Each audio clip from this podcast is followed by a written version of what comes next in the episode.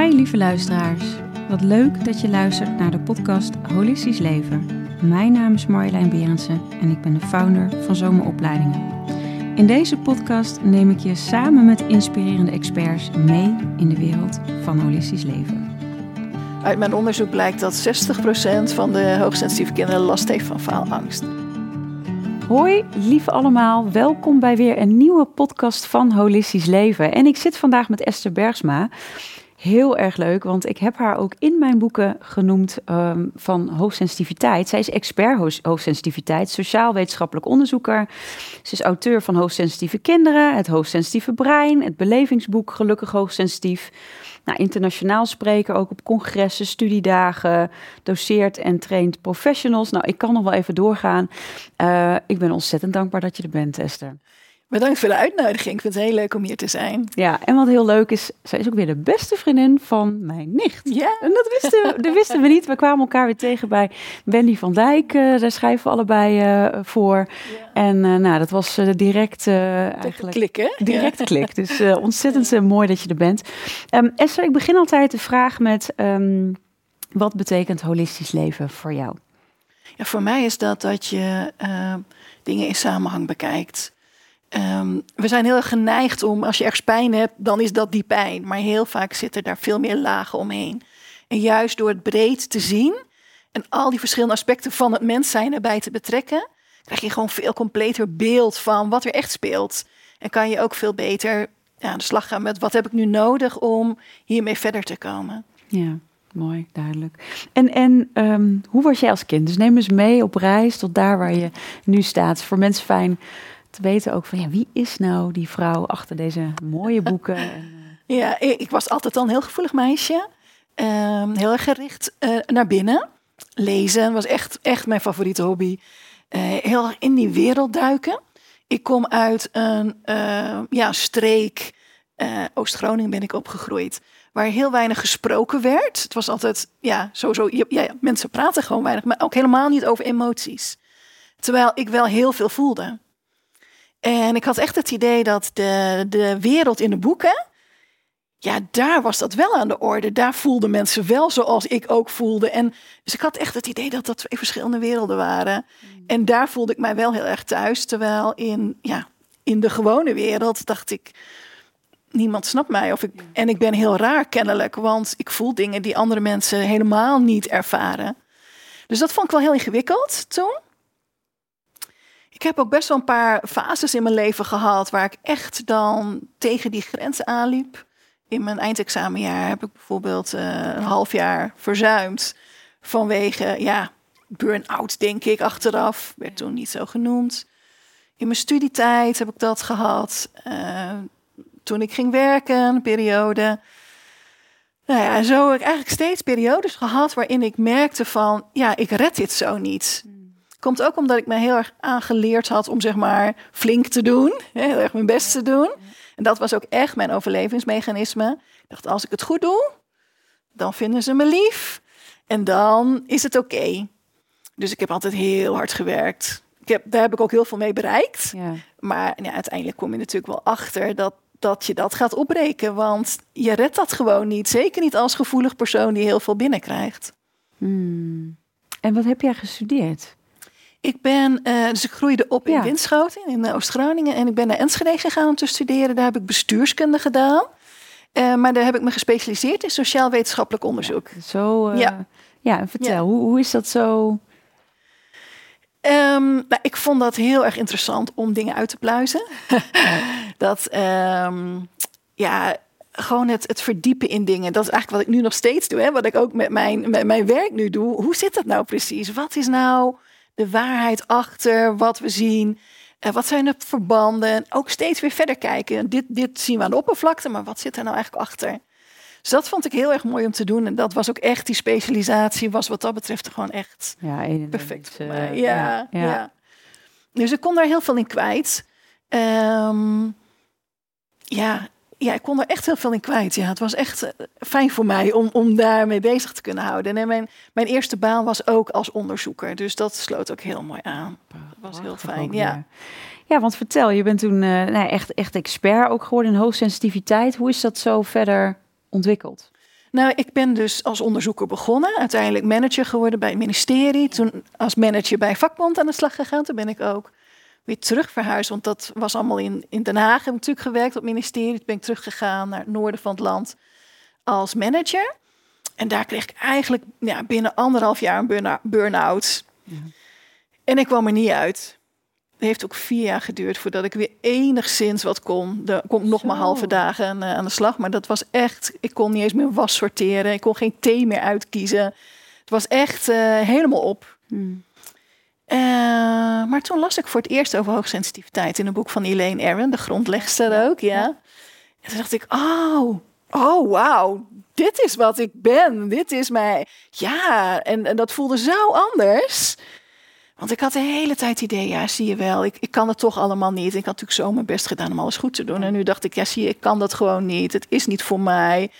En toen ik dat boek las, dacht ik, ja, het is niet zo voor mij zoals de mensen het uh, ja, me erop afrekenen. Maar als je het anders ziet, ja. ben ik er eigenlijk best wel goed in. Dus het, het, het kantelde voor mij hoe ik naar mezelf keek. En uh, dat heeft me heel erg geholpen om ook weer eruit te komen. En toen dacht ik, ja, hier moet ik wat mee. Ja. dit, is, dit is zo belangrijke informatie. Uh, was ook praktisch, want ik dacht, ik kan echt niet meer fulltime werken. Dus ik moet ook echt eerst mijn eigen pad en rustig aan en, en opbouwen. Um, dus ik ben counseling gaan studeren, ben registercounselor, uh, bedrijfscounselor. Ja. En ik kreeg allemaal mensen die ook hoogsensitief waren uh, op mijn pad. Ja. Zo komt, zo werkt het universum. Ja. En uh, omdat ik natuurlijk van huis uit sociaal-wetenschappelijk onderzoeker ben, dacht ik, ja, ik, ik, ga een onderzoek opzetten onder, nou eerst onder kinderen, hoe, hoe ouders dan hun kinderen ervaren, uh, wat voor problemen kinderen hebben, hoe ze uh, in de opvoeding tegen bepaalde grenzen aanlopen. Dus daar deden 750 ouders aan mee, dus dat gaf een heel mooi beeld. Ja, ja. heel mooi. En toen dacht ik, nou, dat wil ik eigenlijk ook onder volwassenen weten. Dus 2000 HSP hebben we daarmee gedaan. Toen dacht ik, ik wil weten hoe het op het werk gaat. Nou, daar hebben, heb ik collega's in de hele wereld uh, bereid gevonden om mee te doen. Dus hij is in zeven talen vertaald. Ook in het Italiaans, in het Noors, in het Russisch. Ja, Geweldig. Ja. Zo bijzonder. En daar hebben uiteindelijk 5500 mensen aan meegedaan in meer dan 20 landen. Echt, echt heel veel. Ja, dat is ook zo bijzonder dat je weet, over de hele wereld hebben mensen hun ervaringen gedeeld. En het geeft zoveel informatie, omdat je direct van de persoon zelf hoort, maar dit is hoe ik het ervaar. Ja. En nou ja, mijn onderzoekershart gaat heel erg hard van kloppen. Ja, ja. Ik vind dat geweldig. Uh, maar het is ook zo mooi om, om deze eigenschap, die toch nog steeds een beetje weggeschoven wordt door heel veel professionals, ja. om te la kunnen laten zien, weet je, er is echt wat met deze eigenschap waar we aandacht aan moeten besteden. Het is niet. Um, het, het is niet te uh, vermijden. Het is niet uh, weg te schuiven. Ja. En ja, dat is natuurlijk helemaal mooi van zo'n onderzoek, dat dat daaraan bijdraagt. Ja, geweldig. Ja, ik ben zo dankbaar voor jouw onderzoek en alles. Nou ja, dat, daar eer ik je echt voor. En ook dus daarin de visie te ontdekken. Want ik merkte gewoon ook binnen de opleiding bij ons tot holistisch therapeut... dat er ook heel veel... Ja, ik zei al, 9 van de 10 mensen zijn hoogsensitief. Misschien zelfs wel 10 van de 10. Um, Hè, daar heb ik geen onderzoek op losgelaten, maar ik kan natuurlijk wel aan de ervaringen zo terug horen. Hoe zwaar het dus ook kan zijn als HSP, hoe anders je je voelt, hoe vreemd je voelt, hoe niet begrepen, hoe, wat moet je met al die prikkels? En het wordt alleen maar sneller met, met, met alle social media, alles wat erbij komt. Je ziet niet voor niets één op de vijf die natuurlijk met een burn-out te kampen heeft en zoveel jongeren ook. Ik vind het heel heftig. Dus om daar dus ook echt iets positiefs mee te switchen in plaats van oh ja, dat de introverte types die wat, uh, hè, de, de muurbloempjes, maar je ziet het ook bij extraverte types. Dus dat er zoveel aandacht voor is en dat je jezelf ook gaat begrijpen door dat zelfonderzoek en te zien van oké, dit is hoe ik gewired ben of dit is hoe ik nou eenmaal een systeem. Ja. En hoe kan ik dat voor mij laten werken? Dat vond ik ook zo belangrijk om mensen mee te geven. Omdat de kans natuurlijk bestaat, mensen in een soort slachtofferrol komen van het, ja, ik, ik ben nou ook eenmaal zo, dus ik zoek dit niet op, dus ik ga niet meer naar dat, of dus ik ben altijd thuis. Of, hè, dus, dus, dus daar ook voor mij voelt het ook heel erg in van een, een, een mogelijkheid tot eigenlijk weer een soort van leiding nemen over je eigen leven. Ja, dat heb jij ook heel mooi in jouw boek gedaan. En dat hebben we uh, met Dirk Eimers uh, gelukkig hoogsensitief geschreven. En dat is ook daar echt de bedoeling van. Omdat je, ja, je hebt last op bepaalde momenten. Ja, sommige dingen zijn moeilijk. Maar er zitten ook zoveel talenten in. En als je die herkent, en heel vaak herken je ze niet meer omdat je zoveel lagen eroverheen hebt gekregen. Maar als je ze herkent en je kunt ze in gaan zetten, dan is het leven gewoon anders. Ja, ja. En dat gun je iedereen. Ja, nou, want ik, ik, ik moet zeggen, vanuit mezelf als HSP'er, ik denk dat ik nu, ja, en ik voel dat, denk dat dat ook niet klik is, me zoveel rijker in het leven staan. Omdat ik gewoon een rijker gevoelsleven heb. Weet je, de verbindingen die je makkelijker kan maken. Het is gewoon zo ja, ik weet het niet. Ik voel me ook wel bevoorrecht nu. Niet, niet, niet, niet als elite, helemaal niet of beter, maar wel gewoon, ik denk, oké, het is zo. Mhm. en zo ben ik gewired. Zo, zo, zo zit het. Hoe is dat voor jou? Mooi, ja. Ja, ik heb dat gelukkig ook ontwikkeld. Ik kom natuurlijk uit die burn-out uh, met een jong gezin. Uh, ik was kostwinner, dus dat was best wel even spannend allemaal. En je denkt van, oh, dan heb ik dit ook nog. Hoe gaat het ooit goed komen? Ja, ja. Um, totdat je inderdaad realiseert dat heel veel uh, eigenschappen je ook zoveel kunnen brengen. En um, ik moet heel eerlijk zeggen dat ik nu een partner heb, ik ben inmiddels gescheiden, een partner heb die mij ook roemt om die eigenschappen. Mm. Uh, dus het helpt ook heel erg als je in een omgeving bent die ook ja. Uh, ja jou complimenteert voor jouw sensitieve talenten. Ja, dat maakt wel uit. Ja. ja. als je alleen maar negatieve feedback krijgt, is het wordt het wel lastig. Ja, zij is ook zo gevoelig, uh, typetje. Of, uh, oh ja, natuurlijk, die zijn ook altijd zo gevoelig. Ik ken het hoor, ik heb het ook natuurlijk wel eens uh, gekregen. Ik denk, oké, nou, dan was er weer één. En als je dat alleen maar hoort, is het heel lastig. Dus het helpt wel als je ook in een omgeving bent die je daarin ziet en waardeert.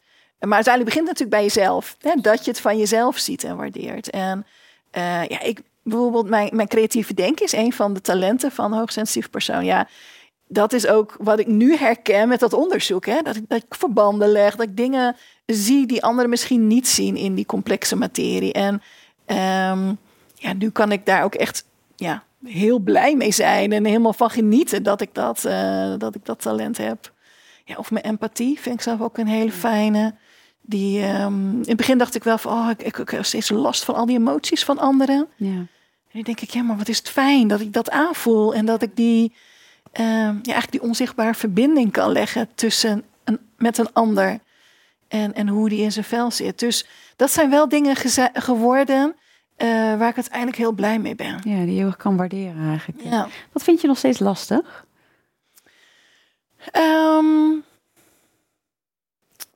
nou, niet zo heel veel meer, omdat ik heel erg mijn eigen tijd in kan delen als zelfstandige. Dat maakt het, dat maakt het wel heel veel makkelijker. Ik denk wel, als ik elke dag naar een baan zou moeten, acht uur per dag, dat ik het wel lastiger zou vinden. Ja. Wat ik wel merk is, als ik veel stress heb, dan um, word ik wel een niet zo leuk persoon. ja. Ik moet echt zorgen dat die stress laag blijft, maar dat kan niet altijd. Sorry, de camera hoor. Maar het is hilarisch, want haar man zit hier ook bij. En die zit hier te lachen. Het is echt, uh, ja, mensen thuis. het is echt wel heel grappig even zo. Oké, ja. dus bij stress, ja. ja. Als er te veel tegelijkertijd gebeurt en ik heb ook het gevoel van ik moet dit nog af en het moet dan klaar. En iemand verwacht dat ik iets doe ja, dan neemt die stress toe. En dan merk ik gewoon dat alles op slot gaat. En juist wat mijn talenten zijn, kan ik dan totaal niet meer inzetten. Ja. Dan ben ik inderdaad alleen maar van, blijf van me weg, uh, kom niet aan me, vraag niks aan me. Uh, en, en oh, ja. Maar eigenlijk een dus, maat van overprikkeldheid dan. Ja, ja. En hoe ontprikkel je weer? Wat doe jij? Slapen. Ja, ja. is voor mij heel belangrijk. Lezen helpt mij ook altijd nog. Mm. Lekker in het zonnetje zitten. Mm. Ook heel fijn. Um, echt even dat lijf tot rust brengen. En voor mij helpt het dus ook om het hoofd rustiger te krijgen. En dat bewerkstellig ik dan met lezen. Even in zo'n andere wereld. Hmm. En dan kan ik niet meer zoveel denken aan al die andere dingen die ook spelen. Dus dat zijn voor mij echt uh, ja, de belangrijkste dingen om, om toch weer wat meer in mezelf te komen. Ja, ja geweldig. Hey, en um, ja, wat ik gewoon zo leuk vind, is dat jij ook. Uh, uh, voorlichtingsavonden ook bij artsen, psychologen, leerkrachten, coaches en ouders geeft. En ja, ontzettend. eh, ja, ik, ik, ik vind het ook echt een, nou, een pionier, de, de, de, de, degene die voorop loopt zo in dat hoogsensitiviteit. Daar ben ik je echt dankbaar voor, want het is gewoon zo nodig. Merk je daar ook verandering in bij onderwijs, artsen? Wil je daar wat over delen? Ja, het, het, is, eh, het is super dankbaar werk. Het is echt heel erg mooi om te doen. En ik spreek bijvoorbeeld ook op studiedagen. En dan heb je vaak in de, ja, de eerste minuten hè, even zo kennis maken. Wie weet er al wat van? En dan hoor ik vaak al wat kritische noten van ja, nou ja. Nee, ik weet er niks van, maar het is toch maar hè, een eigenschap. Of het is toch maar iets wat bedacht is. Of het is eh, een hype woord. Dus mensen zijn echt wel heel kritisch in die, ja, eh, in die wereld. Ja. En dan vertel ik over wat weten we nou eigenlijk? Wat zegt het onderzoek nou? Wat weten we nou over die bedrading? Hè, zoals jij dat ook zo mooi zegt. En, en wat er dus in dat brein echt gebeurt. En dan zijn mensen echt verbaasd over hoeveel onderzoek er gedaan is. ja, enorm. En hoeveel dat ook duidelijk maakt over. Want we krijgen natuurlijk wel heel veel klanten die bij hen komen. Die zeggen van ik loop daar en daar tegenaan. Maar ze schuiven dat vaak op iets anders. Waar schuiven ze het vaak op? Eh, ja, het is of burn-out, Ja. of het is eh, ja, depressie, Ja. of het is ja, gewoon even tijdelijk ongemak. Ja. En je moet je niet aanstellen. Dat wordt ook heel vaak gezegd. Ja, Maar als ze dan horen wat er aan eh, materiaal onder ligt over breinstudies bijvoorbeeld, maar ook andere type onderzoeken, dan zie je die ogen open gaan. En ik krijg zoveel mensen na afloop naar mij toe die zeggen: Wauw, dank je wel. ja, ja. Dit geeft zoveel eh, extra handvatten om juist die mensen waarvan ik altijd dacht: ik weet niet zo goed wat ik ermee moet, ja. om die toch te kunnen helpen. Ja, Hmm. dat is natuurlijk Ja, wat dat je wil, hè? Ja. ja.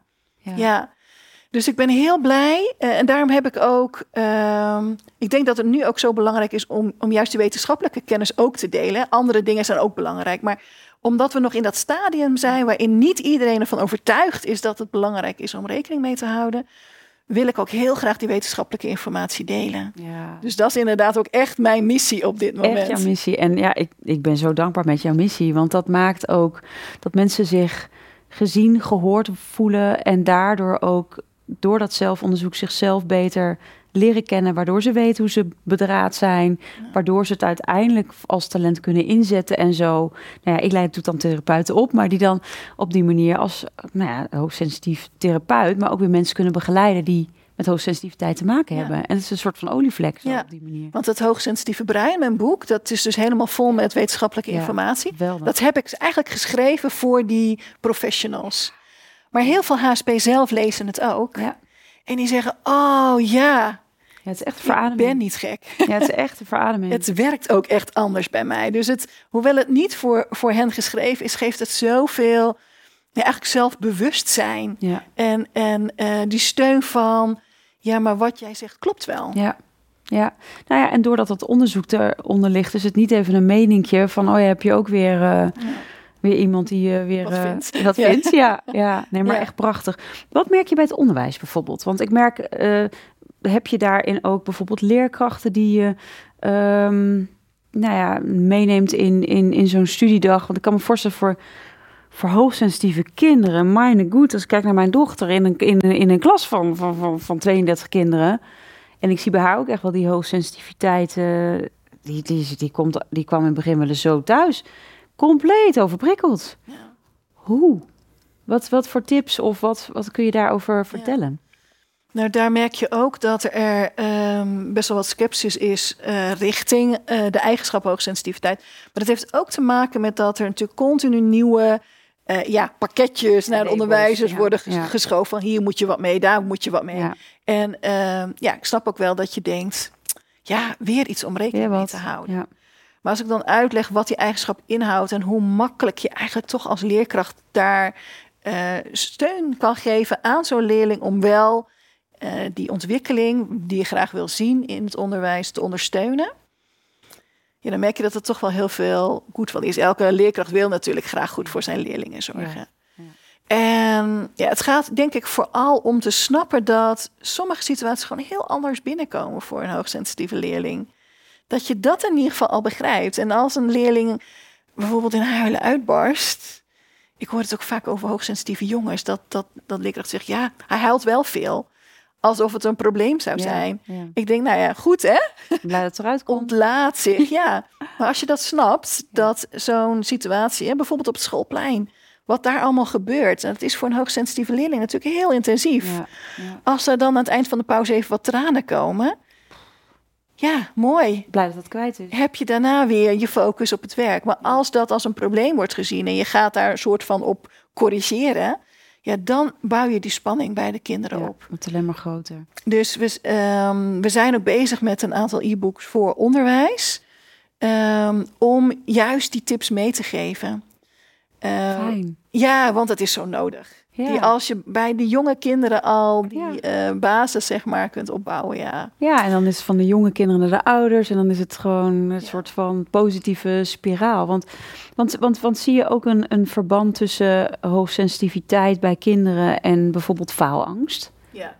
Uit mijn onderzoek blijkt dat 60% van de hoogsensitieve kinderen last heeft van faalangst. Dat is enorm hoog. Ja. Gemiddeld is maar 10%. Dus dat, het zit daar zo dicht tegenaan, omdat dat brein dus heel erg bezig is met wat verwacht iedereen van mij? Wat kan er misgaan? En dan heel erg bezig is met die fouten te vermijden. Ja, en dat kan ervoor zorgen dat je ook als kind en niet aan die moeilijke puzzel wil beginnen. Of ja, die lastige sommen maar even laat liggen. Ja. En als je dat niet goed in de gaten hebt als leerkracht, dan gaat zo'n kind uiteindelijk onderpresteren. Ja, En dat is ontzettend jammer, het is heel, heel sneu. want daar ja. zit vaak heel veel potentieel in. Ja. Dus dat is echt die manier van denken die je dan zou moeten eh, ja, herkennen. Ja. Om ervoor te zorgen dat die onderpresteercyclus niet in werking treedt. En, en, de, en de combinatie tussen hoogsensitiviteit en hoogbegaafdheid? Die zul je met kinderen ook... eh, Ja. Ehm, daar zijn nog wat onderzoeken. eh, ja, we zijn proberen. Lopend? ja, precies. Ja. precies. Ehm, ehm, zoals het er nu op lijkt, eh, is het zo dat alle hoogbegaafde kinderen die hoogsensitieve manier van voelen en denken hebben. mhm. Dan bedoel ik echt hoogbegaafdheid. Hè, want hoog intelligent heb je ook, is Ja. gewoon heel slim. Ja. Maar hoogbegaafd is, is, is ook een andere manier van zijn. Dus daar zijn heel veel theorieën over geschreven. En als je die legt naast wat we weten over hoogsensitiviteit, zit daar heel veel overlap in die manier van zijn en manier van eh, denken. Daarom vroeg ik het, ja. Maar, eh, dus niet, maar niet alle hoogsensitieve kinderen zijn Precies, hoogbegaafd. want dat is, dat Dat is, niet, weer die andere kant, kant. Ja, Ja, het zou 2% van de kinderen zou hoogbegaafd zijn en 20% is hoogsensitief. Dus Ja. daar, ja precies. Maar ehm, ja, de kans is wel dat dat vaker voorkomt onder die groep vanwege Ja. die overlap. Ja. ja, ik vind het zo leuk, alle verbanden die je legt. Zijn er nog eh, onderzoeken, want we gaan zo, zo door naar een kaartje, maar onderzoeken die, waar je mee bezig bent, wat er nog allemaal aan gaat komen, wat, waar je iets van een tipje van de sluier op kan lichten? Oh, ik ben met zoveel dingen bezig. Ja, er zijn zoveel interessante verbanden eh, te leggen. Ehm, er zijn ook heel veel onderzoekers die dat nu meenemen. In mijn nieuwe boeken heb je ook gezien dat er ook allemaal onderzoekers zijn die bijvoorbeeld droomonderzoeker zijn of eh, naar luistervermoeidheid. Weet je, allemaal van die hele specialistische dingen die dan ook hoogsensitiviteit meenemen. Maar ik ben natuurlijk zelf ook de hele tijd aan het denken van, oh, dit is een interessant verband. Oh, daar Ja. zou ik nog wel eens mee willen weten. Dus ben allerlei, ik heb allerlei pannetjes op het vuur. En zo snel er iets bekend is, zal ik je... Ja, oh, echt leuk. Heel leuk. Ja. Ja, ja, dat is geweldig. Dat is echt... eh, ja, want ik, ik, echt van die kleine voorbeelden. Ook vaak hoor ik dan mensen... Maar ik zit natuurlijk iets in de spirituelere hoek. Met volle maan. Bijvoorbeeld dat wakker zijn en veel meer dromen. Je had het even over dromen, zo kwam die bij mij binnen. Maar je denkt, oh ja, de, de- die verbanden daarin ook. En, en meer openstaan, misschien ook in, in, in verbinding met het lijntje. Hoe, hoe zie je dat? Hoe, eh, Ja, wat we. ehm, een van de. ehm, ja, als we even de definitie van hoogsensitiviteit pakken, dan is dat aan de ene kant meer opmerken via alle zintuigen. Tweede deel is dat diepgaande verwekken. Dus je doet meer met die informatie. En het derde is dat je er ook meer impact van ervaart. ja. Als je dan bij dat opmerken kijkt, dan onderscheiden we eigenlijk tien zintuigen. Er zijn in, in, in de wetenschap worden er verschillende soorten zintuigen. Maar als we even tien pakken, is één daarvan ook spiritualiteitszin. Ja. En daar zijn niet heel veel onderzoeken naar gedaan. Eh, helaas, maar wel uit ervaring dat hoogsensitieve mensen zeggen: ja, ik voel gewoon dingen, ik voel meer aan. ja. Ehm, En ehm, ja, dat openstaan, dat, dat, dat die subtiele dingen waarnemen die anderen niet zien, zie je dus ja, eigenlijk overal. En voor, voor, ik denk ook op dat terrein. Ja. Ehm, ik zou er wel meer van willen weten. Vanuit de wetenschap. interessante, Ja. maar het is lastig te onderzoeken, omdat het. eh, dat geldt natuurlijk voor meer zintuigen, want er is nooit een waarheid. Het is altijd een waarneming. Precies. En dat is eh, eigenlijk op al die terreinen lastig om het eh, dan ook hard te maken volgens de wetenschappelijke normen. Juist, dat is het. Ja. Ja. ja.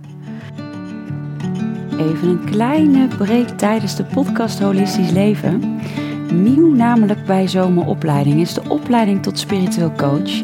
Waarbij je jouw unieke, intuïtieve en mediamieke gaven in kan zetten om mensen te begeleiden naar meer bewustwording. Wil je ook bijdragen aan een nieuwe wereld en wil je aan de slag met heling, multidimensionaliteit en spirituele groei? Kijk dan op www.zoma-opleidingen.nl voor onze locaties en startdata. En we gaan nu gauw weer terug naar de podcast. Maar ontzettend mooi ook dat jouw interesse daar ook weer heel erg ligt. Of ook weer ligt. Dat, ja, ik vind het gewoon heel mooi jouw, ja, hoe ja, je, je, je bijt je er echt in vast om alles zo erboven te krijgen. Ik vind het echt, ja, ik vind het heel waardevol. Ik ben zo blij dat je aan tafel zit. eh.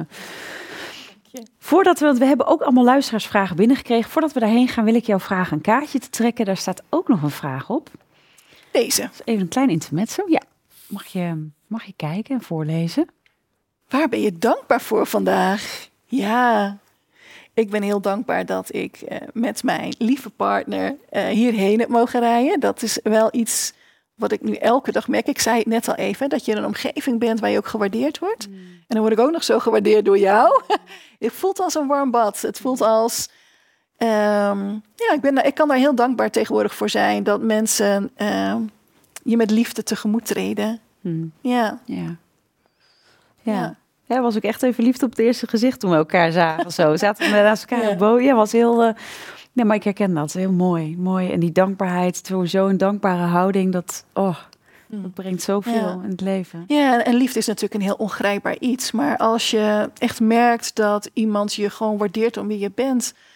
Ik merk nu hoeveel, op hoeveel lagen dat ook wat met je doet. Ja. Ehm, en dat is gewoon zo'n fantastisch gevoel. Ik wil daar eigenlijk, eigenlijk elke dag bij stilstaan. Ja.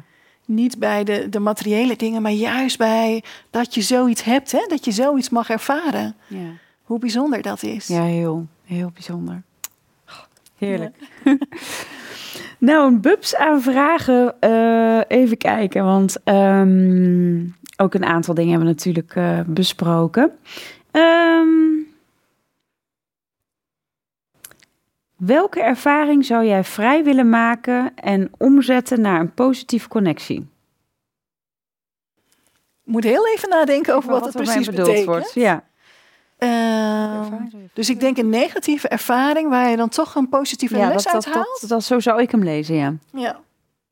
Ja, nou, kijk, mijn burn-out van vier jaar was natuurlijk geen leuke ervaring. Want ik, ik kon niet de moeder zijn die ik wou. Ik kon niet de dingen doen die ik wou. Het was, eh, het was echt een uitputtingsslag, terwijl je natuurlijk al hartstikke moe bent. Dus dat, eh, ehm, maar omdat je daar zo leert wie je werkelijk bent.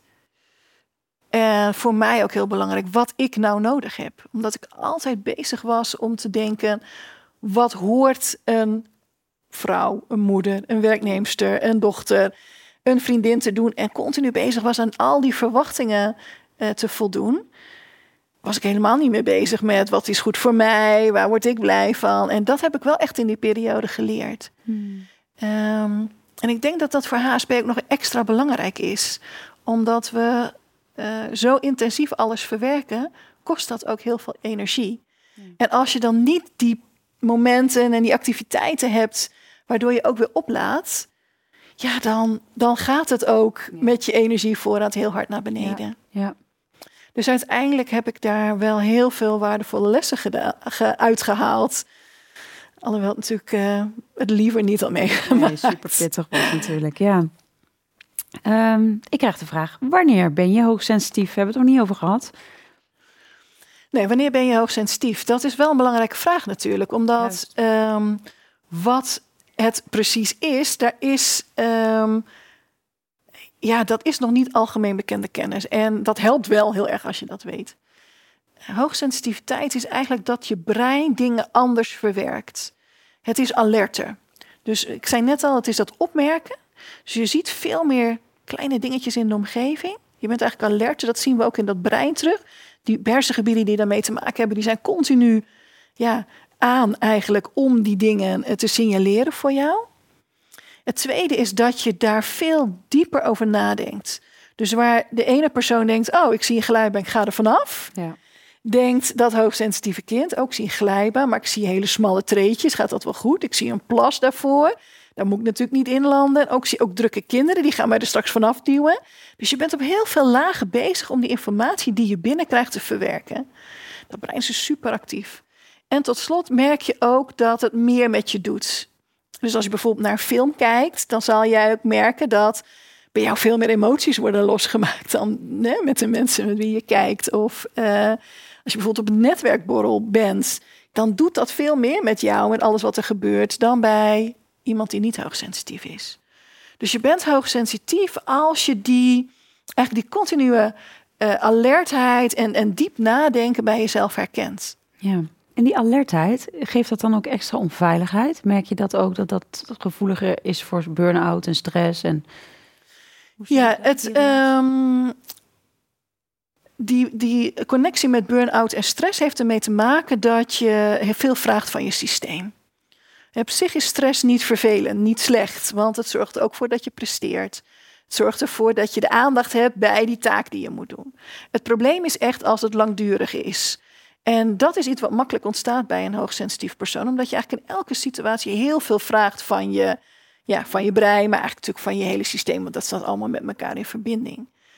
Um, daar haal je ook voordeel uit, want het is soms heel nuttig om dieper over dingen na te denken. Maar je moet jezelf dan wel rust gunnen daarna om weer te herstellen. Doe je dat niet en je blijft dus eigenlijk continu in dat hoge niveau zitten, ja, dan ontstaat uh, dat langdurige aanwezigheid van stresshormonen. En dan heb je dat risico op burn-out. Ja. En allerlei andere stressgerelateerde ziektes. Want daar zit ook echt wel een, uh, een, grote link. Ja, want die alertheid kan dus ook... Ik, ik, ja, ik noemde het net even onveiligheid. Hoe, hoe mhm. veilig voelen HSP'ers zich? Ja, daar is niet echt wetenschappelijk onderzoek naar gedaan. Maar je zou kunnen zeggen dat... Uh, je voelt je onveilig door bepaalde triggers. En dat hangt heel erg af van wat je in je jeugd hebt meegemaakt. Dus ik zal andere triggers zien door wat ik heb meegemaakt dan jij. Uh, als je heel erg alert bent als hoogsensitief persoon, zie je natuurlijk ook sneller dingen. Juist, dat was. Uh... En je denkt er dieper over na. Dus je bent sneller bezig met: hé, hey, maar zou dit dit kunnen betekenen of dat of dat of dat? Dus de invulling gaat ook dieper bij ons. Waardoor je dus ook eerder dat signaal zou kunnen krijgen van: oeh, is het wel veilig? Ja. Een heel belangrijk deel in dat, dat breinproces is ook onze gerichtheid op de sociale groep. We willen harmonie. We willen dat iedereen tevreden is. En daarin zit natuurlijk ook heel veel van die onveiligheidscues. Ja. En dat maakt dus dat je al sneller denkt: Oh, iemand vindt mij misschien niet aardig, want die keek een beetje boos. Of uh, is mij vergeten een hand te geven, dus zal wel boos op mij zijn. Ja. ja, als je dat allemaal interpreteert als het is niet veilig voor mij, dan zit je natuurlijk continu ook in dat stressgevoel. Ja, precies. Uh, maar daar kan je wel wat aan doen. Je kan wel leren om die cues anders te interpreteren. Ja. Alleen die gerichtheid blijft. Dus je blijft continu alert en je blijft alles met elkaar combineren. Maar hoe je het interpreteert, uh, ja, daar kan je dus met therapie wel ja. Uh, ja, verandering aan ja, geven. Mooi.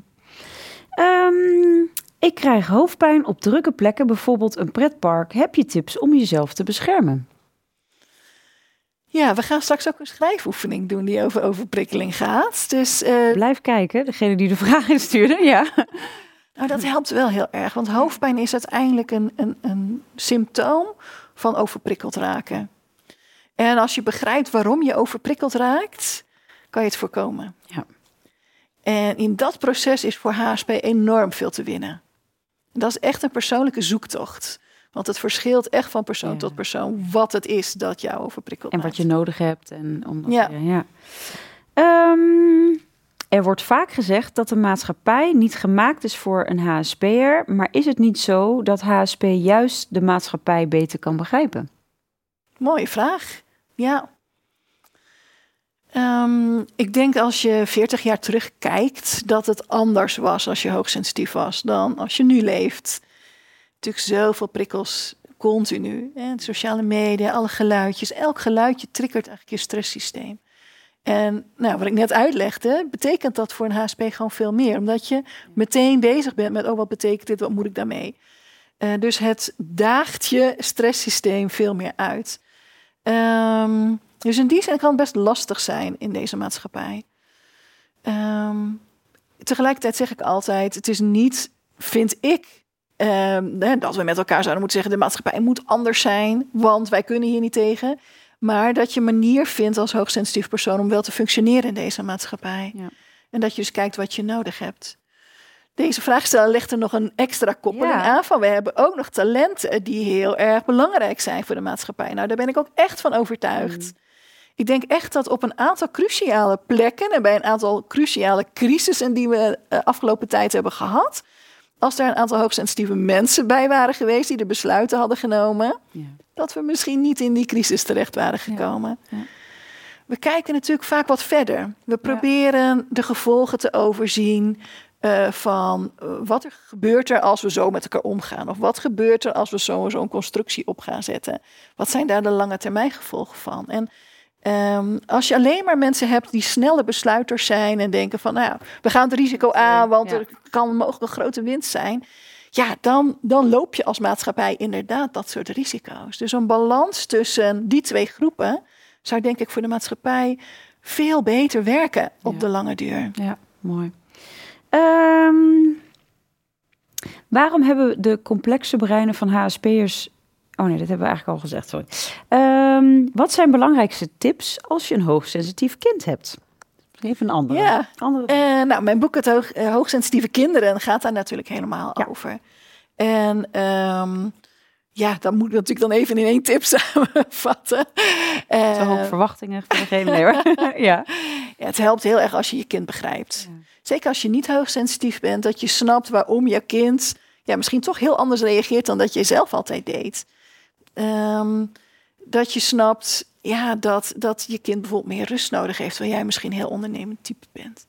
Daar begint het echt mee. En uh, ik heb een uh, opvoedmethodiek ontwikkeld, die heet de BABA-methode. Dat staat voor begrijp, accepteer, begrens en alternatief. En dat gaat er eigenlijk over dat je vanuit begrip begrenst. Hmm. Want begrenzing uh, is heel erg belangrijk voor elk kind. Het geeft gewoon heel veel veiligheid. Maar als je dat niet vanuit begrip doet van waar het kind mee zit, mee worstelt, dan uh, praat je eigenlijk langs elkaar heen. En dat is zeker bij deze kinderen uh, wel echt een groot probleem. Omdat als die niet de verbinding voelen en als ze zich niet gezien voelen, dan um, gaan ze of vaak de hakken in het zand zetten, dus extra dat probleemgedrag laten zien. Of ze, ja, ze laten zich afdrijven van jou. En dan, als je niet meer die verbinding hebt, dan um, is het uiteindelijk voor hun eigen waarde en hun zelfontwikkeling ook uh, heel problematisch. Ja, ja, ja. Oh. Heerlijk. Ik, ik smul echt van, jou, uh, van jouw antwoorden. Echt uh, mooi. Um, misschien dan een andere. Hoe kan een hoogsensitief kind een spiegel zijn voor mij als ouder? Ja, wat je. ehm, Ja, deze kinderen zijn vaak zo puur, hè? Dat is gewoon heel mooi. Um, omdat ze meer voelen. Dus er gebeurt meer van binnen. Door dat diepgaande verwerkingsproces in het brein. Uh, worden natuurlijk ook meer processen losgemaakt. En als je als kind die emoties goed kan voelen en, en terug kunt geven, ja, dan is dat natuurlijk een enorme spiegel voor jou als opvoeder. Ja je hoort ook heel vaak ouders zeggen: ja, mijn kind heeft zulke wijze inzichten. En dat is eigenlijk omdat ze die, die brokjes informatie met elkaar verbinden en iets, iets met elkaar uh, dus in verband brengen van je denkt: oh wauw, ja, inderdaad. Ja, ja, ja, ja. uh, uh, oh, hoe mooi is dat? Echt. Want ja. Jij, jij hebt ook kinderen. Ja, ja, mijn kinderen studeren inmiddels. Zijn beide hoogsensitief. En ik kon ook echt helemaal versteld staan van de dingen die zij dan vroegen of die ze constateerden. En um, als je daarvoor open staat, helpt het je ook weer verder. Wat bij mij dus heel erg hielp. Want ik, zat dus, ik was dus in die burn-out. Ik ontdekte uh, dat ik hoogsensitief ben en mijn kinderen ook.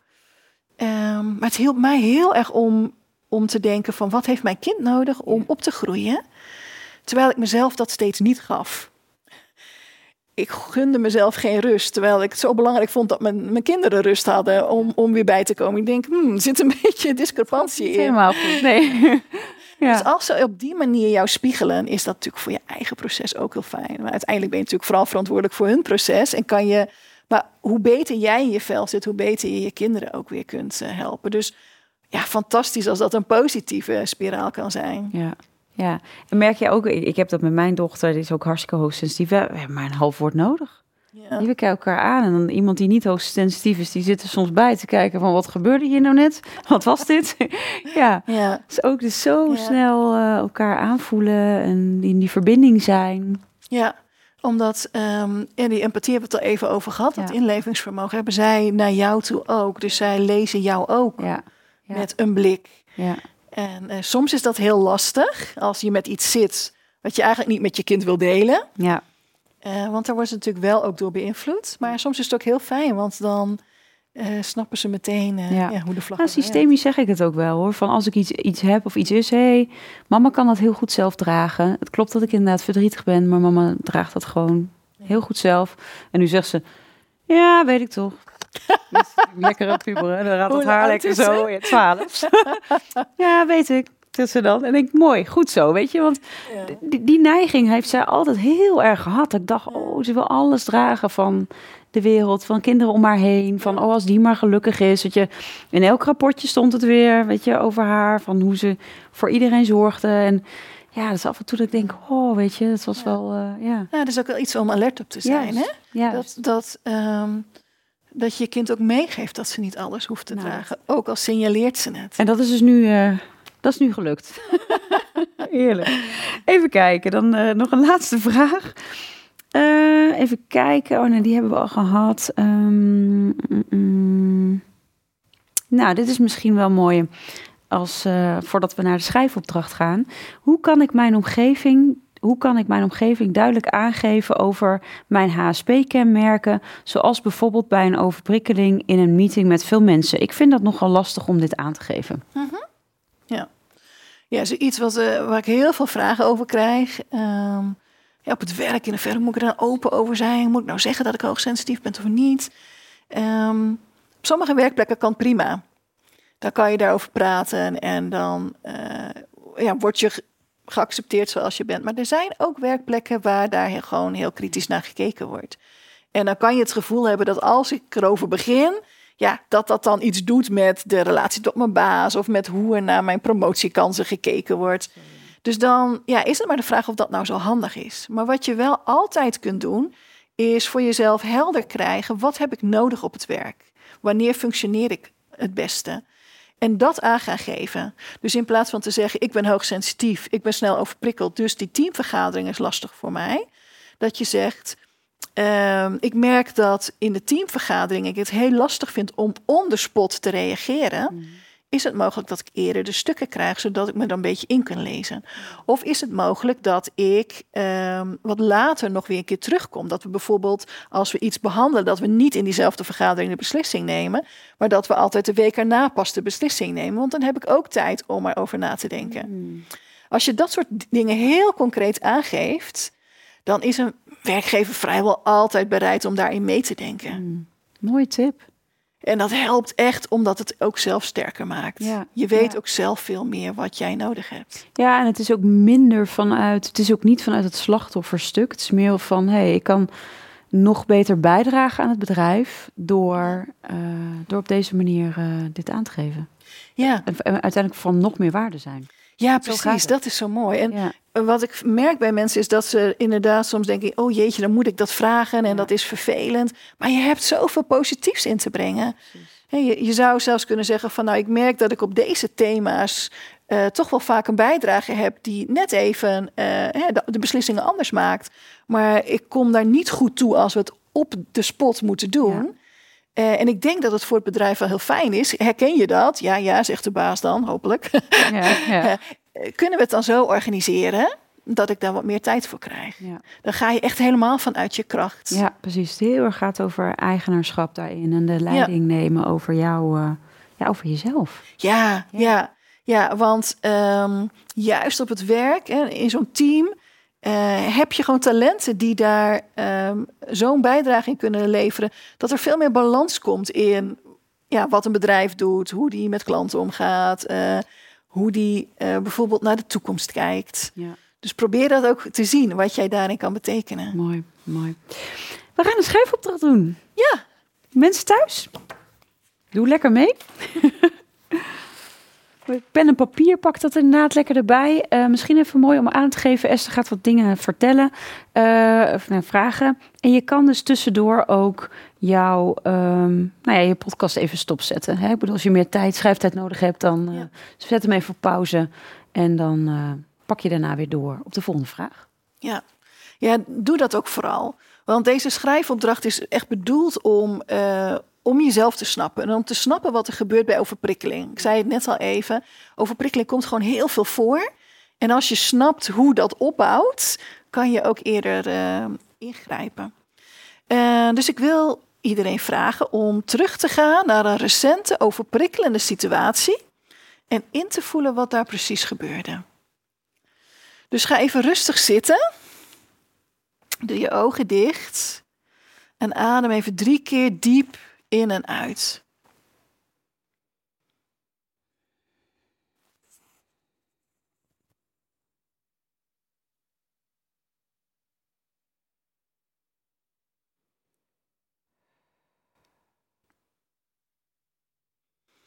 En ga dan in gedachten terug naar een overprikkelende situatie die je recent hebt meegemaakt.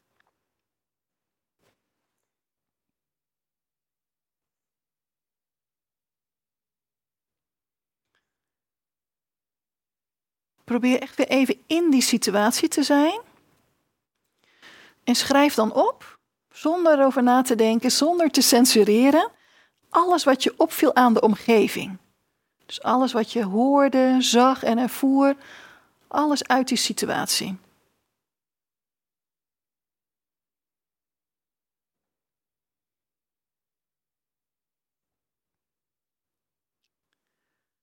En als je dat hebt gedaan, richt dan je aandacht op jezelf in die situatie. Dus focus even op jou op dat moment. Wat ervoer je? Wat dacht je? Wat voelde je en waar voelde je dat in je lichaam? En schrijf dat allemaal op. Schrijf alles op wat je op dat moment bij jezelf hebt waargenomen.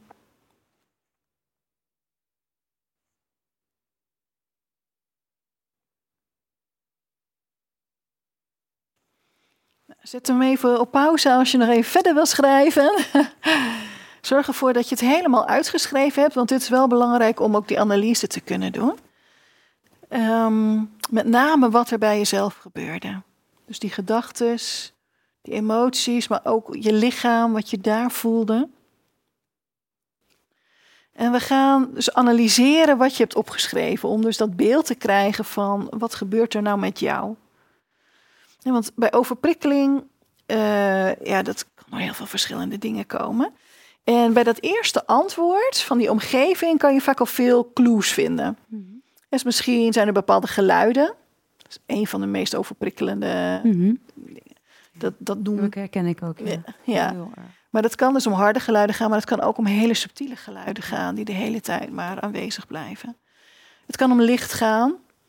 Zonlicht uh, moet bij ons bijvoorbeeld in huis altijd geblokt worden. uh, het kan om bepaalde geuren gaan. Ja.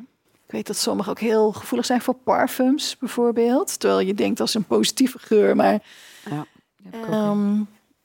het kan om smaak gaan. Nou, met eten zit natuurlijk al snel aan te denken. Hè? Dat is ook een reden waarom uh, bij hoogsensitieve kinderen toch het eten niet altijd helemaal soepel gaat. Omdat dat te veel, ja. ja eigenlijk te veel prikkels geeft. Ja. Uh, het kan om tast gaan. En dat is dus ja, wat je aanraakt. Maar dat zit ook bijvoorbeeld de labeltjes in je kleding. Of dat soort dingen horen daar ook bij. En daar hoort ook de pijnprikkel bij. Dus um, ja, dat wordt eigenlijk nociceptie genoemd. Ehm, ja, als je continu pijn hebt, dan doet dat ook wat met je. Hè? Ja. Dan, dan Ja. loopt dat niveau ook op. En ik zei al eh, eerder in het gesprek we- dat ik tien zintuigen onderscheid. Oh, In ons boek Gelukkig Hoogsensitief heb ik helemaal uitgewerkt. En een belangrijke daarvan eh, voor hoogsensitieve mensen is interoceptie. Ja. Veel mensen kennen die niet, maar dat is het zintuig wat waarneemt wat er in je lijf gebeurt. En die is voor HSP enorm belangrijk. Het gaat om het, het waarnemen van dorst, van honger, maar ook eh, dat je spijsvertering niet lekker loopt of dat je hart sneller gaat kloppen. Eigenlijk alles wat je organen aangeven. En ehm, er zijn denk ik best wel veel HSP die zo overweldigd raken door dat soort prikkels, dat ze zich daarvan afgesloten hebben. Mm. Dus dat ze eigenlijk hebben geleerd daar niet meer naar In te luisteren. Niet in contact mee zijn. Ja. Nee, nee. En dat le- m, daardoor mis je natuurlijk heel veel informatie die je nodig hebt om je lichaam zeg maar in balans te houden. Maar dat kan ook in, ehm, ja, bijvoorbeeld, nou, ik weet niet wat voor situatie jullie allemaal in gedachten hadden, maar bijvoorbeeld als je heel intensief sport en je voelt je hart enorm tekeer gaan, kan dat een hele heftige prikkel voor je zijn. Ja. En ik, ik weet dat veel mensen dat herkennen en dat ze daarom, ja, dat intensieve sporten gewoon wat uit de weg gaan. Ja. En dat kan natuurlijk ook eh, in heel veel andere situaties voorkomen. Dat je te veel ingespannen hebt of dat je honger hebt. Daar ben ik zelf heel gevoelig voor. Je moet echt om de zoveel uren wat eten toewerpen. Want ja. anders ja. word ik ook niet gezellig. Nou, dat Ja. zijn ook dingen dat fijn is van jezelf om te weten. Ja. Ja. Ehm, een andere belangrijke is emoceptie. En dat betekent het ontvangen van de emoties van anderen. We hebben het natuurlijk al heel vaak over gehad dat we daar heel goed in zijn. En dat is ook bewezen in breinonderzoek. Ja. Dat gaat over, ehm, ja, dat noemen ze ook wel de neurale wifi, Ja. een onzichtbare verbinding. En ehm, als hoogsensitief persoon ja, leg je die verbinding en kan je dus heel goed voelen hoe de ander erbij zit. En die emoceptie die maakt, hè, als je daar niet van bewust bent, ook dat je heel overspoeld kan raken. Nou, voor heel veel HSP is dat ook een reden waarom een bepaalde situatie zo overprikkelend was. Ja. Ja. En als je daar bewust van bent, helpt dat ook weer om dat ja, wat te kunnen reguleren. Ja. Mooi. Mooi. Dus eigenlijk hier heel erg je systeem gaan voeden, Ja, zeg je. ja. Voeden met wat nodig is. ja nou, dit is ook nog heel erg over wat komt er eigenlijk allemaal bij dus mij dat in binnen. eerste instantie in al die Ja. verschillende... Ja. En ehm, kijk, geluiden zijn vaak heel erg aanwezig, maar die andere dingen vaak niet zo Nee. eh, obvious. Eh, maar het komt wel binnen. Maar het komt ja, wel binnen, ja. Ja. ja. ja. En eh, het helpt al heel erg. Weet je, sommige mensen voelen zich ook gewoon schuldig dat ze zo snel overprikkeld raken. Ja. Dat hoeft helemaal niet. Ja. En door te herkennen van, oh ja, maar dat komt allemaal bij mij binnen, kan je ook denken, oh ja, maar daar kan ik dus niks aan doen. Ja. Dat is hoe mijn systeem werkt. Ja, je kunt je echt soms een partypoeper voelen. Als je denkt, nou, dat schittert van afwezigheid op een bepaald moment. Dat je Ja. daar dus inderdaad zo'n visuele cirkel kan creëren daarin. Ja. Maar eh, dat haalt dus al een stuk van de druk bij jezelf weg. Ja. En het tweede eh, resultaat hiervan is dat je, als je weet dat geluid gewoon een heel overprikkelend eh, stimuli voor jou is, ja, dan kan je voor een koptelefoon zorgen. Of je kan voor regelmatig even terugtrekken uit een groep. Of je, je kan dan je, je voorzorgsmaatregelen nemen. Ja. ja. Dus dat is het ene eh, deel Mhm. ehm, van, eh, van de overprikkeling. Ja. Maar er zit ook een stuk in het denken. En dat realiseren niet iedereen zich dat die diepgaande verwerking zorgt natuurlijk ook voor overprikkeling. Omdat je maar door blijft gaan, omdat je maar verbanden blijft Ja. zien, omdat je maar ehm mens, ja, ook met anderen bezig bent. leggen, Ja. Ja. Ja. Wat vond hij nou? Is- die er nou wel helemaal oké mee? Of zit hij dan toch niet? Ja, is die, twijfelt hij nou toch? Wat vindt hij nou precies? Nou, al die gedachten is ook iets wat je overprikkelt. Want je vraagt gewoon heel veel van je systeem. Ja. Dus dat is het, het hele plaatje. En ehm, het tweede deel gaat dus over wat voor effect heeft het op jou? Wat doet het met je? En ehm, daarbij kan je dus ja, die niveaus die jij ook onderscheidt in je boek, hè, op emotioneel, op fysiek, op mentaal, eh, op zingevingsniveau, gewoon kijken van en welk effect heeft dat dan? Dus als ik overprikkeld ben, eh, kan ik dan niet meer concentreren? Dat is mentaal niveau. Ja. Of word ik heel huilerig, dat is Ja. emotioneel niveau. Of krijg ik hoofdpijn, dat is dus Fysiek, niveau. En door dat te herkennen bij jezelf, helpt om die eerste signalen van, oh, ik word wat huilerig. Oh, kennelijk ben ik overprikkeld aan, aan te raken. En moet ik dus ingrijpen. Ja. Dus ehm, je leert jezelf van twee kanten beter kennen. Mooi. En eh, met name dat laatste stuk vind ik heel erg belangrijk. Omdat je, eh, als je weet wat er met je gebeurt, kan je ook dus eerder zeggen van... hé, hey, dit is niet meer goed voor mij. Ja, dit Ik moet nu wat doen. Ja. Ja.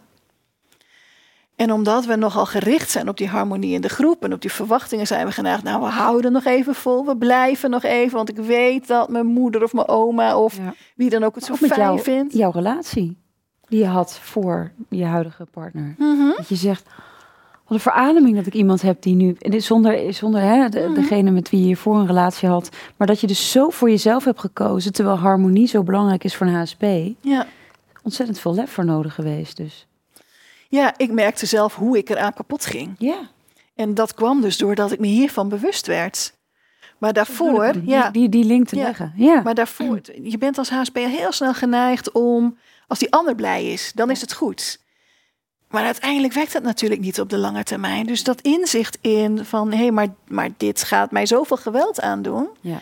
Op mentaal, fysiek, emotioneel of zingevingsniveau, die is ook belangrijk, hè? Dat je het gevoel hebt dat je daaraan iets, aan iets bijdraagt.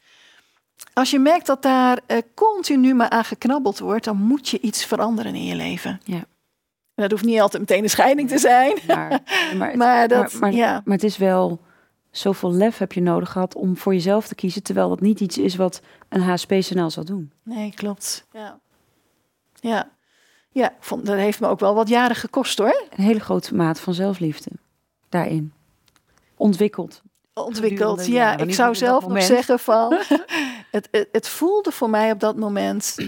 Het is of weer volledig in een burn-out gaan. Ja, Of voor mijn eigen gezondheid kiezen. ja. Dus het voelde nog niet zeg maar als zelfliefde. Nee. Maar puur als ik moet het Je overleven. kon, je kon niet eigenlijk niet eens meer anders, ja. Ja. Nou ja, dat, ik, ik, ik, moest me zo aan denken om dit, vanwege dit voorbeeld. Dat soms de keuzes die je dus maakt, die je dus benoemt, het soms heel tegenstrijdig kan voelen door al die patronen of door alles wat je hebt vastgezet. Maar dat het zoveel vraagt om echt te voelen wat je nodig hebt. Ja, ja klopt. Ja. Ja, eh, dat is iets wat je als HSP dus jezelf moet gunnen. Ja, en echt dat zelfonderzoek dus in te duiken, ja. Ja. Ik vind het een prachtige schrijfopdracht. Dank je. Ik hoop Ja. dat, het ook, ja, dat Ja. mensen daar ook weer een stapje verder mee komen. Ja. In, en waar we het over hadden, weg te blijven van die negatieve kanten. En meer te schuiven naar, ja, het is mooi om hoogsensitief te zijn. Ja. En dat kan je dus pas doen door jezelf te leren kennen. En dat met zo'n schrijfopdracht, ja, is fantastisch. Ja, ik vond het heel, ik vond, vind het een hele mooi. Ik heb hem in mijn hoofd meegedaan. Ik, eh, mijn dochter is eh 12 geworden, we waren in de Efteling. Als je het hebt over prikkels. Ik was ook nog een schieperig. Je hoort nog een klein beetje, was de afgelopen week. Maar eh, ik liep er met een halve oorontsteking en niet lekker. En die Efteling helemaal katsoverprikkeld. Ik echt voelde, oké. Dus ik zei, lieve Maya en haar vader, waar, ik ben gescheiden tien jaar eh, geleden. van jongens, ik ga na het eten, dus ook heel netjes afgebakend. En ook heel erg goed gevoeld van wat ik wel en niet kan. En daarna ging ik ook met een heel goed gevoel weer naar huis. Wenste hun heel veel plezier. Lekker foto's uitgewisseld, zei. En het was goed, weet je. Maar om daarin dus ook zo de keuze te maken. Eh, ik ben de hele dag geweest, dus ik hoefde niet tot ta- 's avonds tien uur te blijven. Dus had ik normaal gewoon echt gewoon tot op het tandvlees had ik het, had ik het volgehouden. Want het is haar verjaardag. Nu na het eten, ik had toen netjes zo, dan is het gewoon goed. En dan is het ook nog leuk, want anders ben ik ook een soort van derde wiel aan de wagen... wat een beetje achteraan hobbelt. is voor niemand leuk. En voor, Ja. de, voor de tiende keer weer in de, in de piranha achter elkaar door. Maar, eh, Ja. dus, ehm, maar ik vind, vond het heel, een hele mooie oefening om ook te voelen van... oh ja, wat gebeurde er op dat moment? Wat, wat, wat, wat speelde er in mij af? Ja. En als je dat voor jezelf ergens neerlegt, hè, die, die signalen van wat je bij jezelf merkt, en je legt ernaast, wat heb ik dan nodig op zo'n Ja, moment? Precies. Dan heb je eigenlijk een hele snelle tool Ja, om op die momenten dat even te veel lijkt te worden om in te kunnen grijpen. ja, ja, ja, dat was uiteindelijk gewoon een fantastische dag voor hun, voor mij. Het was perfect Mooi. in balans. En Ja. Helemaal oké. Dus eh, het is mooi om, de, om dit soort hier ook echt even op te reflecteren. Zo'n schrijfopdracht. Ja, en ik heb niet geschreven, maar in mijn hoofd even zo. Ja, ja. Ja, dank je wel voor deze oefening. Graag gedaan. Mensen thuis, laat even weten ook wat je van deze schrijfopdracht vond. En eh, vooral deel ook even met elkaar. Want het is ook leuk dat HSP elkaar leren kennen, ook misschien juist door zo'n podcast. En uh, nou ja, deel het ook met andere mensen waarvan je denkt, oh, die kunnen dit ook goed gebruiken. Ehm, ja, Esther, jeetje, je hebt nog ontzettend veel wat je natuurlijk aan het onderzoeken verder bent. Ik, uh, ik, ik blijf je graag op de voet daarin natuurlijk uh, volgen. Zijn er nog dingen die we niet gedeeld hebben die je in deze podcast nog naar voren wil brengen? Want we gaan richting afronden. Ja, oh, er zijn nog zoveel dingen waar we ja, over voel praten. Het ja. Ik zit ook helemaal, oh, en dit Ja, en dat. En, Ja. ja. Ehm, ja, wat, eh, wat ik echt belangrijk vind, en dat hebben we al even aangestipt, maar eh, dat van dat hoogsensitiviteit lastig is, weer komen naar dat het een talent is. En dat zit ook heel erg in het herinterpreteren van dingen. Dat wil ik toch nog wel even Ja, meegeven. ja. Dat ehm, je hebt misschien in je leven vaak gehoord van jij kan ook geen beslissingen nemen. Of ja, kies nou gewoon iets. Of ja, wa- waardoor je het idee hebt, ik ben besluiteloos. Ja. Terwijl als je weet van ja, mijn brein werkt gewoon zo, dat het heel veel verbanden legt, dat het dingen met elkaar wil combineren om uiteindelijk tot een weloverwogen beslissing te nemen. Dus je weet van jezelf, ja, maar ik ben heel erg weloverwogen. Dan voelt dat gewoon zo anders. Ja. Dus die slag, om die voor jezelf te maken, dus wat ik altijd als nadeel heb ervaren, wat zit daar nou eigenlijk als voordeel achter? Dat, dat wordt ook heel erg uitgewerkt in het boek Gelukkig Hoogsensitief. Ja, dat helpt je zo enorm om krachtiger te staan. Ja, dat, dat is toch wel iets wat ik, wat ik eigenlijk elke keer wil. Omdat ik natuurlijk ook heel erg bezig ben met die wetenschap. En die gaat vaak toch wel over de lastige dingen. Ja. ja. Maar daar zit echt een positief stuk aan. Laten we dat absoluut niet vergeten. Ja, vind ik heel mooi hoe je dat benadrukt en hoe je mensen zo. Het heeft mij ook geïnspireerd om, om vanuit de holistische visie het boek te schrijven, natuurlijk. En ja, daar ben ik gewoon heel dankbaar voor, voor jouw werk daarin en je onderzoeken. En voor mezelf, mijn eigen zoektocht en voor de zoektocht van zoveel, zoveel mensen. Dus eh, ontzettend bedankt dat jij zo, ja, een soort, bijna een soort van fakkeldrager vooraan loopt om eh, ja, daar, eh, daar dat neer te zetten. Daar ben ik je echt dankbaar voor. Heel veel ingeleerd. Heel fijn dat ik dat kon bijdragen. Ja, absoluut. Nou mensen, ik zou zeggen, heb je nog niet het boek van Esther, ga dat zeker lezen, boeken. Eh, dat is ontzettend veel wat ze natuurlijk nu op dit moment ook aan het onderzoeken is. Dus blijf haar volgen. Waar kunnen ze je het beste volgen? Via je eigen website natuurlijk. Ja, hoogsensitief.nl. Op alle media ben ik ook te volgen, eh hoogsensitief.nl. Dus overal Ja. te vinden. Nou, ontzettend bedankt voor deze podcast. Dankjewel voor de uitnodiging. Heel fijn om zo over dit onderwerp met elkaar te praten. Ja, en dankbaar voor ons lijntje, onze verbinding. Ja. Dankjewel lieve allemaal voor het kijken. En eh, laat weten wat je van vond. En tot volgende week weer. Doeg! Dankjewel voor het luisteren naar de podcast Holistisch Leven. Holistisch Leven is een prachtige ontdekkingsreis. We reiken je graag de tools en kennis aan om je in deze reis te begeleiden. Ben jij door deze podcast geïnspireerd om de volgende stap richting een holistisch leven te zetten? Kijk dan op onze website www.zoma-opleidingen.nl voor meer informatie over de cursussen en opleidingen die we aanbieden. Je kunt je daar ook inschrijven voor onze nieuwsbrief. En vind je deze podcast leuk? Volg ons dan via je favoriete podcast-app of abonneer je op ons YouTube-kanaal. Zo verspreiden wij samen meer licht, liefde en bewustwording. En maken we de wereld een stukje mooier. Tot volgende week!